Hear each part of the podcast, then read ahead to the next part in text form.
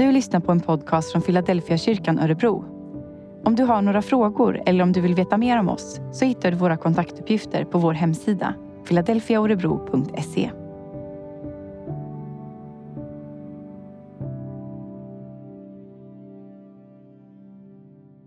Välkommen till minipodcastserien Vandra med ordet. Jag heter Ellen Hemström och är pastor och föreståndare i Philadelphia kyrkan Örebro. Vi kallar den här podcasten för att vandra med ordet för att vi tänker att du ska kunna lyssna på den när du är ute och går. Det kristna livet kan beskrivas som en vandring. En resa där vi rör oss i riktning mot Jesus Kristus. Och Bibeln den är avgörande för att vi ska navigera rätt på den resan. Att lyssna på undervisning och att promenera samtidigt kan därför också få bli ett uttryck för att låta bibelordet få bli just till vägledning och vägvisning i din fortsatta vandring. Idag kommer vi få lyssna till Mikael Telbe som ska undervisa för oss på temat ledarskap. Nu kör vi igång. Välkommen till det här bibelstudiet med mig, Mikael Telbe, som ska handla om kristet ledarskap. Mikael Telbe heter jag och eh, är lärare på Akademi för ledarskap och teologi där jag undervisar i Nya testamentet. Och eh, det här temat som jag blivit ombedd att hålla eh, har sin bakgrund i att jag under våren publicerade en bok som heter Ledd för att leda. Och den boken är en kommentar till det vi brukar kalla för pastoralbreven i Nya testamentet. Och det är tre brev. Det är Timoteusbreven, brev 1 och 2 och Titusbrevet. Och när jag skrev den här boken så fick jag många anledningar till att fundera kring ledarskap och vad det innebär att leda. Jag ska återkomma till de här breven efter min inledning, men de är ju skrivna till två medarbetare till Paulus, Timoteus och Titus, där han vägleder dem i deras uppdrag att leda den kristna församlingen. Och jag vill ge några reflektioner i det här bibelstudiet utifrån de här breven. Men låt mig bara säga inledningsvis att det här med ledarskap eh, kan ju uppfattas som lite exklusivt, eh, eh, i alla fall när man ska ge undervisning om ledarskap att det är för några få utvalda. Men jag tror, och det är liksom min grundtes eller min utgångspunkt i det jag vill säga, att, att alla kristna som tar sin tro på allvar, de blir förr eller senare förebilder för andra människor. Förr eller senare så blir de antingen för formella ledargestalter eller informella ledargestalter. Vem har inte en människa vi kan tänka på som eh, kanske i första hand inte är pastor eller bibelstudiegruppledare eller söndagsskolsledare utan, utan bara är en människa som vi ser upp till. Ett föredöme i tron. Och det är ju en ledargestalt för mig. Det är goda förebilder. Och ibland så, och ofta blir det så, att eh, de här förebilderna tar och får olika ledargestalter eller ledarroller rättare sagt i den kristna församlingen. Men min grundhållning är att, eh, att alla leder som har någonting som andra vill ha. Jag kan tänka på många människor som jag mött genom åren som eh, kanske inte syns eh, framifrån i kyrkan. Men de har någonting som andra vill ha. Då är man en ledare. Min andra grundtanke i det här som jag vill utgå ifrån det är att jag tror att på grund av att alla potentiellt som goda förebilder blir ledare så finns det ingen enbart specifik undervisning som egentligen inte gäller för alla troende. För det som gäller för alla troende gäller i synnerhet för alla ledare. Vi kan i och för sig prata om organisationsfrågor och strukturella frågor kring ledarskap. Men när det kommer till ledarens karaktär, som jag ska prata lite grann mer om om en stund, så skiljer sig inte det egentligen från det som också förväntas av alla troende. Så det som gäller för alla troende gäller i synnerhet för alla ledare. En annan sån här grundpremiss när jag tänker ledarskap, det är att ledarskap är ytterst en gåva. Ledarskap är ingenting som vi tar oss i oss själva. Visst kan folk utnämna sig själv som ledare och så vidare, men i grund och botten så ges kristet ledarskap eh, utifrån ett förtroende. Och vi ska se det i pastoralbreven att ordet anförtro eller anförtros något blir något utav ett nyckelbegrepp, en nyckelterm i de här breven. Så jag skulle vilja ge dig i det här bibelstudiet eh, några ledmotiv som jag finner i de så kallade pastoralbreven för ledarskap och naturligtvis då också för kristet liv i största allmänhet. Ordet pastoralbreven har sin bakgrund i att de här breven är skrivna till två av Paulus medarbetare, som jag nämnde, Timoteus och Titus. De är eh, herdar och det latinska ordet för herde är pastor. Det är herdebreven eller herdabreven skulle vi kunna kalla dem för. Och Paulus han har ju en mängd medarbetare. Totalt omnämns mer än 90 personer i hans omgivning i Apostlagärningarna och i hans brev som rör sig i hans närhet och som han samarbetar med. Och Timoteus, han har blivit placerad i Efesos för att ta itu med eh, oro, falsk avvikande undervisning i Efesos. Och Titus, han har blivit placerad på Kreta för att eh, tillsätta ledare för de olika församlingarna. På e- Efesos så finns det redan en församling med ett ledarskap som har eh, börjat urarta på olika sätt. Men på Kreta i Titusbrevet så finns inte riktigt det här ledarskapet. Jag skulle vilja utifrån de här två breven nu eh, vaska fram några punkter som jag tycker är så viktigt för kristet ledarskap. Och kom ihåg nu att jag pratar inte bara om ledare egentligen, utan det här blir ju också det som är viktigt för kristet liv i stort. Och det första handlar om ledarskapets grund som blir så tydligt i de här breven att det är Guds nåd. Paulus börjar första Timoteusbrevet på följande sätt. Från Paulus, Kristi Jesu apostel, på uppdrag av Gud, vår frälsare, och Kristus Jesus, vårt hopp, till Timoteus, hans äkta barn i tron. Nåd, barmhärtighet och frid från Gud, Fadern och Kristus Jesus, vår Herre. Han börjar med att tala om nåd från Gud. Därefter kan man se i Första Timoteusbrevet kapitel 1 att han börjar tala om uppdraget till Timoteus. Redan när jag gav mig iväg till Makedonien bad jag dig stanna i Efesos och förmana somliga där att inte förkunna avvikande läror. Vers 3. Och han håller på med det här ett tag.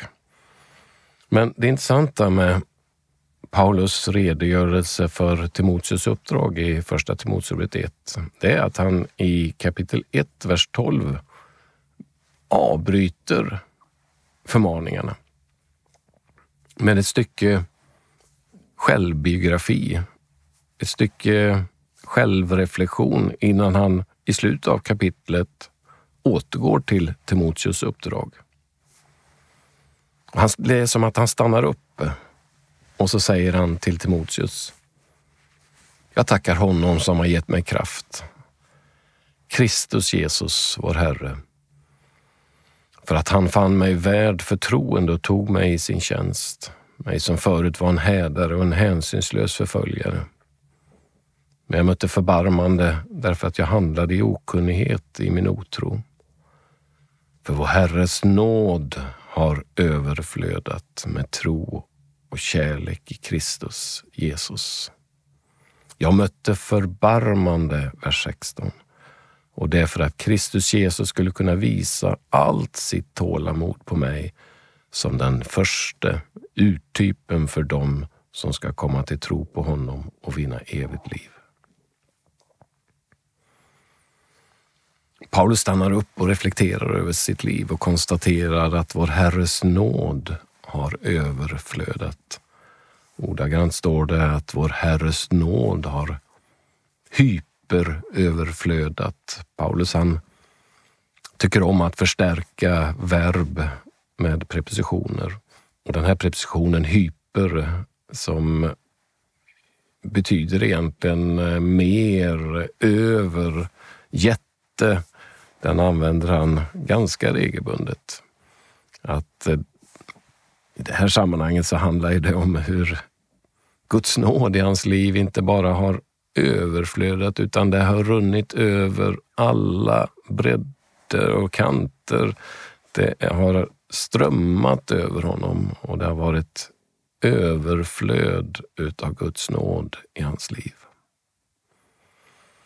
Man kan undra sig varför stannar han upp så här mitt i förmaningarna till Timoteus? Han börjar med de här förmaningarna i de första elva verserna. Och han slutar i vers 18 till 20 i det första kapitlet med att ge Timoteus förmaningar angående hans ledaruppdrag. Varför avbryter han mitt i med att tala om Guds nåd? Jag tror man kan finna flera olika anledningar till det. På ett sätt är ju det att legitimera Timoteus i sitt uppdrag. Varifrån har Timoteus fått uppdraget att leda?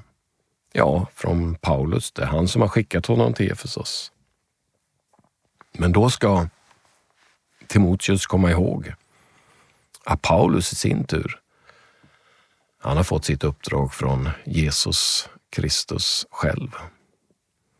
Han har mött Kristus. Han tackar honom som har gett mig kraft för att han fann mig värd förtroende och tog mig i sin tjänst. Timoteus uppdrag vilar ytterst på Paulus uppdrag som ytterst vilar på Kristus själv. Timoteus auktoritet som ledare vilar också hos Jesus Kristus. Men jag tror också att Paulus vill påminna Timoteus att allt det han gör, allt det han står i, allt det han är kallad till faller tillbaks på Guds nåd. Den här maningen att vila i Guds nåd kommer tillbaks gång på gång i de här breven. Han kan säga i Andra Timoteusbrevet kapitel 2, vers 1. Och du mitt barn, hämta styrka i den nåd som vi får genom Kristus Jesus. Notera, han formulerar sig inte som vi har fått, utan här är det ett slags pågående som vi också får. Guds nåd är uppenbarligen inte enbart någonting som har hänt, någonting som vi kan konservera i våra liv, utan Paulus uppmanar Timoteus att leva i nuet genom denna nåd. Och I Titusbrevet kommer det här också regelbundet. Guds nåd har blivit synlig som en räddning för alla människor. Titus 2.11. Vi ska genom Guds nåd bli rättfärdiga och så som det är vårt hopp vinna evigt liv. Titusbrevet 3 och 7. Jag skulle kunna läsa fler texter ifrån pastoralbreven som handlar om Guds nåd. Men allt ledarskap och allt som rör kristet liv faller tillbaks på Guds initiativ. Att det är Gud som har börjat. Och finns det något som har betytt mycket för mig i de olika tjänster och uppdrag som jag har stått i när det gäller kristet ledarskap så är det Guds nåd. Erfarenheten av att det är Gud som har tagit initiativ. Jag brukar ofta återkomma till en händelse som ägde rum när jag läste teologi på Örebro Missionsskola i början på 80-talet. Jag hade läst tre år i en klass och alla skulle så småningom ut i olika former av tjänster och uppdrag. Och det blev vårtermin och fler och fler visste var de skulle ta vägen. Jag hade ingen aning. Jag hade ingen aning vad jag ville göra med mitt liv. Jag hade längtan egentligen, men jag visste inte hur det där skulle ta gestalt. Och det där ledde till en allt större frustration. Det här med att se andra som liksom hittar sin uppgift samt som jag själv brottades med min egen roll och vad jag skulle göra. Och Det här blev eh, en typ av ångest som laddades upp i mitt liv där, där jag uttryckte min frustration inför Gud. Eh, och eh, Tron blev allt mer krampaktig och jag kände mig allt mer osäker och det där kulminerade en eh, decemberkväll när jag var ute och gick. Och jag tyckte det kändes väldigt tungt just då. Jag hade ju dragit upp och hamnat i Örebro, men vad skulle jag göra sen? Och då, när jag suckade till Gud, där jag gick på Öster i Örebro, snön föll tungt, så var det som att Gud gav mig en bild av hur jag klängde mig fast vid Gud, vid Guds kallelse. Som att jag klängde mig fast i Guds finger och så hörde jag bara en röst, släpp greppet. Och så var det en, bib en bibelord som dök upp ifrån Filipperbrevet 3 och 12 när Paulus säger så här. Tro inte att jag redan har nått detta eller redan har blivit fullkomlig, men jag gör allt för att gripa det när nu Kristus Jesus har fått mig i sitt grepp. Och det var som att eh, Gud tog grepp om mitt liv. Sen eh, utifrån det har jag liksom försökt att gripa det där Paulus pratar om. Men eh, hela tiden med en visshet om att Gud håller mig i sitt grepp. Och det där landar i mitt hjärta. Ni vet att det kan vara världens största resa som någon har sagt mellan det vi egentligen vet och det vi erfar, det som vi har i våra tankar och innan det väl landar i våra hjärtan. Och när det här landar i mitt hjärta så vände jag mig om på öster och skrek allt vad jag kunde. Halleluja! Jag försäkrar mig om att det inte var någon som såg mig innan jag utbrast i mitt halleluja. Men jag måste ha missat den här mannen tio meter bakom som eh, jag såg och fick se efter jag skrikit till. Eh, så jag slank snabbt in på en sidogata och ökade takten.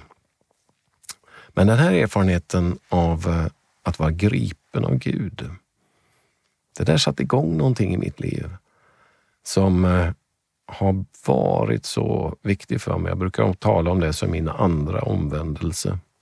Detta att eh, överlåta mitt liv till Guds nåd och att vila i den nåden och drivas av den nåden. Paulus återkommer ständigt till det här i sitt liv. Inte minst i svårigheter när han eh, i Andra Korinthierbrevet 12 ber Gud att rädda honom från hans kritiker och motståndare. Och Paulus, han får bara höra orden Min nåd är allt du behöver. Det kristna livet och kristet ledarskap i synnerhet vilar på Guds och nådets initiativ. Att Gud har tagit oss i sitt grepp. Det andra jag vill fästa din uppmärksamhet på när det gäller ledarskap i pastoralbreven handlar om eh, uppdraget. Om grunden var nåden så handlar uppdraget om evangeliet. Paulus kommer till det här gång på gång. Det finns ett uppdrag och det handlar om evangeliet. Han kan säga i Titusbrevet kapitel 1 och vers 3 att när tiden var inne gjorde Gud sitt ord känt för alla genom den förkunnelse som har anförtrotts mig enligt Guds, vår frälsares befallning. I första Timoteusbrevet 1 och 11 så säger han, så är det enligt evangelium om härligheten hos den salige guden som jag har fått mig anförtrott. I kapitel 6, vers 17 säger han, käre Timoteus, ta väl vara på det som har anförtrotts dig. Och så säger han i andra Timoteusbrevet 2 och 2, det du har hört av mig i många vittnens närvaro, det ska du anförtro åt pålitliga människor som kan lära ut det i sin tro. Kristet ledarskap vilar på detta som vi får oss anförtrott genom Guds nåd, nämligen evangeliet om Jesus Kristus. Detta evangelium återkommer Paulus till. Han uppmanar Timoteus när han har börjat känna sig modlös i det andra brevet att inte skämmas för vittnesbördet om vår Herre. Och när han säger så, så är det som att han liksom öppnar ett paket. Att han kan inte bara säga sluta skämmas, utan han, han berättar varför han inte behöver skämmas. Och anledningen är helt enkelt evangeliets innehåll. För han har räddat oss, vers 9, och kallat oss med en helig kallelse. Inte på grund av våra gärningar utan genom sitt beslut och sin nåd som han skänkte oss i Kristus Jesus redan före tidens början. Men som har blivit uppenbar nu när vår frälsare Kristus Jesus trätt fram. För han har utplånat döden och han har dragit liv och oförgänglighet fram i ljuset genom evangeliet, för vilket jag har satts att vara förkunnare, apostel och lärare. Kristet ledarskap faller ytterst tillbaks på detta evangelium. Det är något som har anförtrotts. Det är någonting som vi har fått av Gud. Och vad handlar det om? Jo, nämligen allt det goda som Gud har gjort i och genom Jesus Kristus. Att han har utplånat döden och dragit liv och oförgänglighet fram i ljuset genom evangeliet.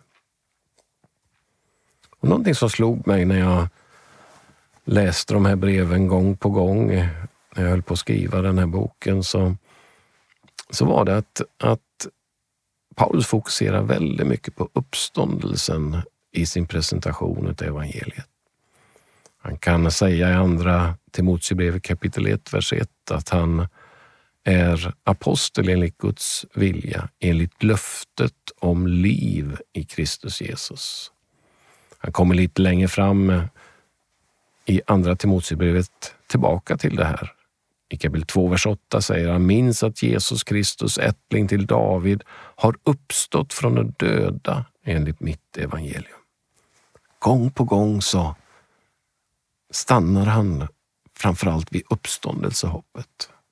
Han talar förvisso om Jesu död och att Jesu död har utplånat synd. Men han talar ännu mer om hur ljus, liv bryter fram genom uppståndelse från döda. Och jag blev så påminn om hur viktigt det är att förkunna hopp i den tid som är. Att gjuta hopp i människor genom evangeliet är vad en kristen ledare kallar det till. Att i det meningslösa, i det hopplösa kunna gjuta mod och hopp i människor. En annan sak som Paulus återkommer till när han beskriver evangeliet i pastoralbreven. Och så kommer fyra, fem gånger, nästan som ett mantra, det vill säga när han beskriver evangeliet så kommer en beskrivning av evangelium att det är för alla människor. Han kan säga så här i första Timoteusbrevet 2 och 3. Att be för kungar och makthavare är riktigt och behagar Gud, vår frälsare. Som ju vill att alla människor ska räddas och komma till insikt om sanningen. Han säger så här i första Timoteusbrevet 4 och 10. Det är därför vi strävar och kämpar, ty vi har satt vårt hopp till den levande guden som är en frälsare för alla människor, särskilt för dem som tror. Titus 2.11 Ty Guds nåd har blivit synlig som en räddning för alla människor.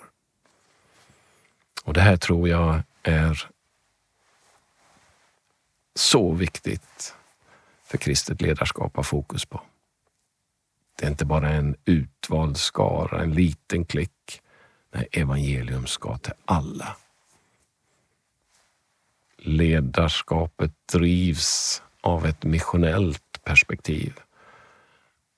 Att vi ser bortom gränserna. Vi vill att alla ska med. Och det är det här kristet ledarskap handlar om. Det handlar om att se alla, men också att bäras av det som har anförtrotts. Och det enda vi har, det är ett evangelium ytterst. Men en kristen ledare har en annan sak som blir så viktig som ett redskap i ledarskapet. Nämligen sitt eget liv. Och då kommer vi till min tredje punkt som är förutsättningen för kristet ledarskap. Nämligen förtroendet. Paulus säger så här till Timoteus i första Timoteusbrevet 4, vers 11 och framåt. Inskärp detta i din undervisning och låt ingen se ner på dig för att du är ung, utan var en förebild för de troende i allt du säger och gör, i kärlek, i tro och i renhet. I vers 16 säger han, ge akt på dig själv och din undervisning. Stå fast vid detta Ty gör du det räddar du både dig själv och de som lyssnar på dig. Pastoralbreven återkommer mycket till ledarens karaktär. Det finns långa listor till och med kring ledarskap. Ska återkomma till det om en liten stund. Men det är alldeles uppenbart att kristet ledarskap bygger på förtroendet. Vi har anförtrotts evangeliet. Men vi bär detta evangelium i och med våra liv. Därför är det egna livet ledarens viktigaste verktyg. Det vill säga att ledarens ord harmoniserar med ledarens liv. En ledare får ett slags förtroendekapital när han eller hon får en uppgift. Det här förtroendekapitalet är som en summa pengar som vi kan sätta in på något slags konto som eh, egentligen antingen kan förränta sig och bli mer. Eller det kan naggas, det kan bli, gå minus efter en tid. Och pastoralbreven återkommer till det här i ett antal listor. Till exempel i första Timoteusbrevet 3. Den som önskar bli församlingsledare eftersträvar ett viktigt arbete. Därför måste församlingsledaren vara höjd över allt klander. Gift bara en gång. Nykter, behärskad, anständig, gästfri och en god lärare. Han får inte missbruka vin och inte vara hårdhänt utan ska vara försynt och fridsam och fri från penningbegär. Han ska kunna styra sitt hus och få sina barn att underordna sig allt i värdiga former. För hur ska någon som inte kan styra sitt eget hus kunna ta hand om Guds församling? Han får inte vara nyomvänd så att han blir högmodig och faller under djävulens dom. Dessutom måste han ha ett gott rykte bland utomstående så att han inte blir förhånad och går i djävulens fälla. Denna och liknande listor kan man hitta i pastoralbreven som beskriver ledarens karaktär. Och här kan man kanske känna att man kommer till korta.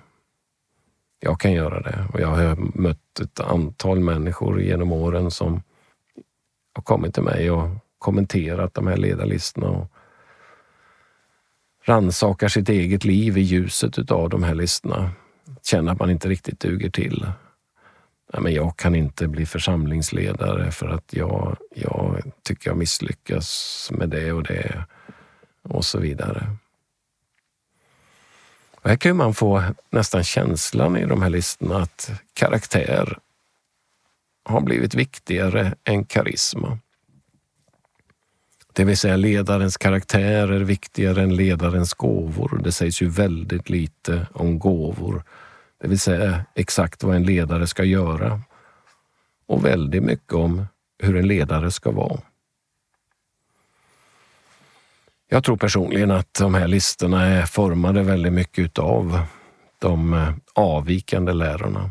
Därför att i pastoralbreven så kan man tydligt se att de här listorna på den sanna ledaren har en slags antityp i beskrivningar av de falska ledarna, de dåliga ledarna. Det är som att eh, de sanna och goda ledarna ska vara en motbild till de dåliga ledarna.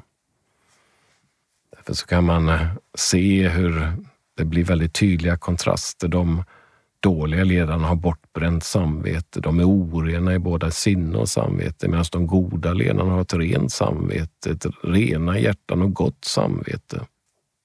De eh, dåliga ledarna de undervisar så att det skapar strid. Den goda ledaren är fridsam, inte stridslysten. De dåliga ledarna de är ogudaktiga, oheliga de goda ledarna, de är heliga och de är fromma. De dåliga ledarna är obehärskade medan de goda ledarna är behärskade. De dåliga ledarna är ogudaktiga medan de goda ledarna kännetecknas av gudsfruktan. De dåliga ledarna är penningkära medan de goda ledarna är fria från penningbegär. De dåliga ledarna de är fulla av förtal. Men de goda ledarna, de förtalar inte. Och så vidare. De här listorna är formade utifrån ett specifikt sammanhang. Därför så när vi tittar på de här listorna kanske det till och med är så att vi saknar beskrivningar av den, den, eh, de goda ledarna som inte finns. Vi kanske till och med skulle vilja komplettera med andra ord. Jag tror att vi kan använda de här listorna idag, men vi kanske inte ska vara alltför förbundna vid dem. Nyckelordet i kristet ledarskap i pastoralbreven och för idag handlar mycket om integritet och förtroende.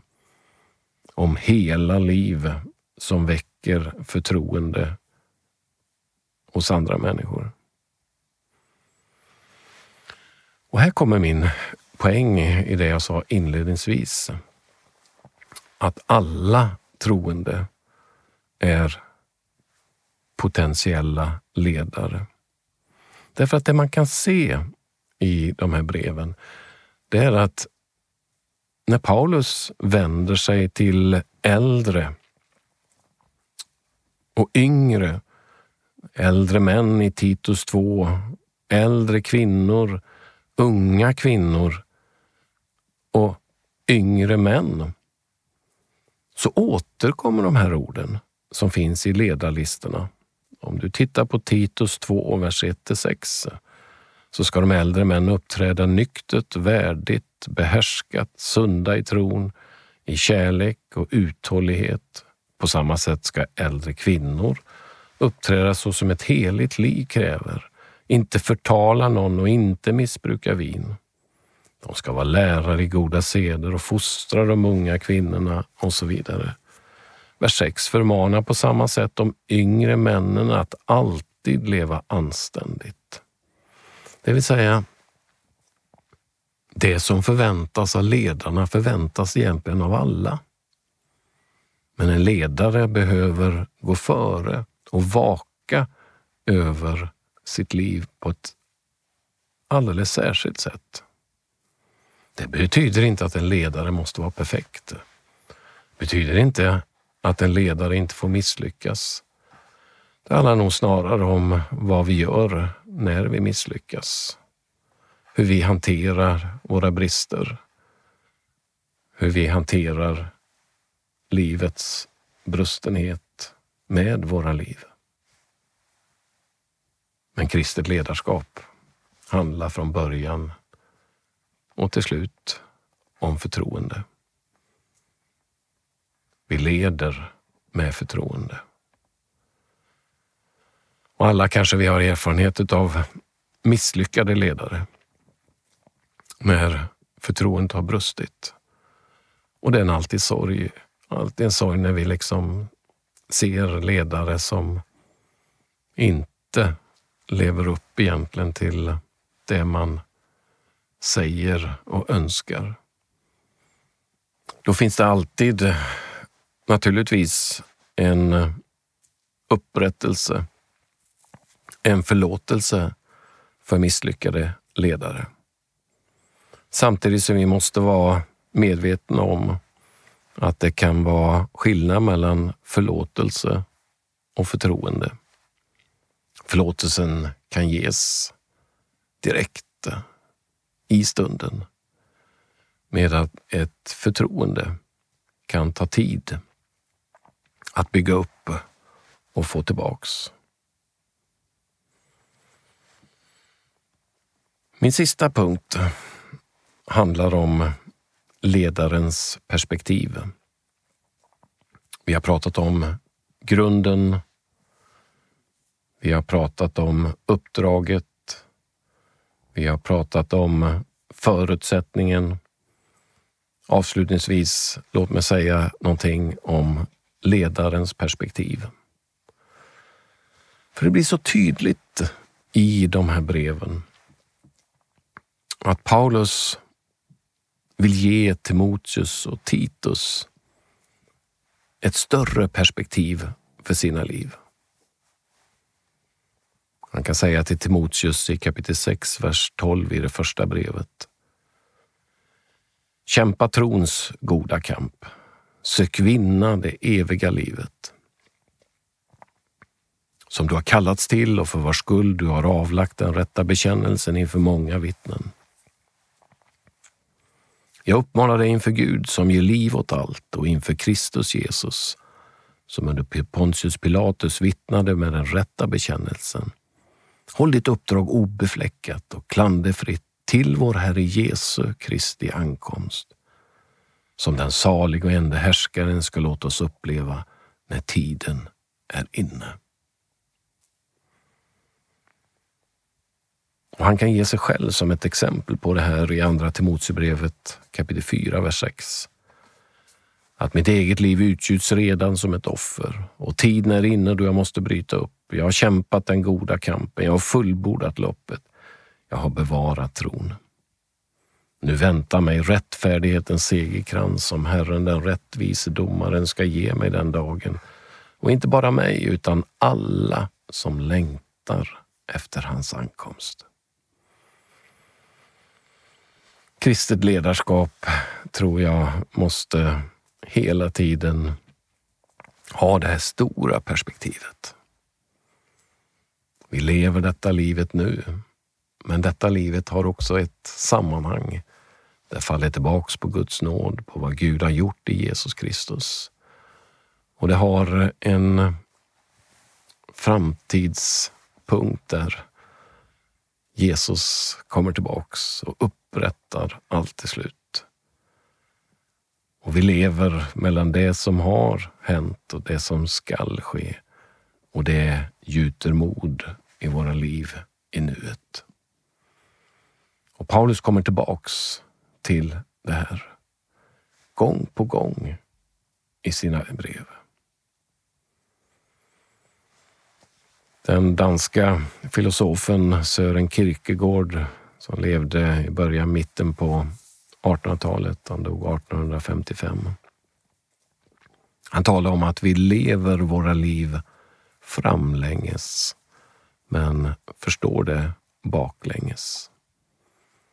Det vill säga, vi behöver ha med oss både baklänges, det vi faller tillbaks på, men vi lever det mot framtiden. Och Jag tror att en troende i största allmänhet måste hålla detta levande. Och en eh, kristen ledare i synnerhet. Att se varifrån vi kommer. Men också vart vi är på väg någonstans. Och det är ju det här ytterst som skapar mening i nuet. Att förstå varifrån vi kommer, vart vi är på väg och vilka vi är i nuet. Och därför så tror jag Paulus lyfter de här perspektiven. Det är ett sätt att gjuta mod, men också ett sätt att ge dem en karta som leder att orientera sig utifrån. Ja, det finns ett längre perspektiv. Det är ytterst inte mig själv jag tjänar, utan jag tjänar den Gud som har kallat mig i Jesus Kristus och som vill att alla människor ska bli räddade och det finns ett större perspektiv där Gud vill rädda alla till evigt liv. Och det är det här vi behöver se också som ledare när vi arbetar med människor, att ha det här perspektivet. Det eviga perspektivet när vi tänker och i det vi gör.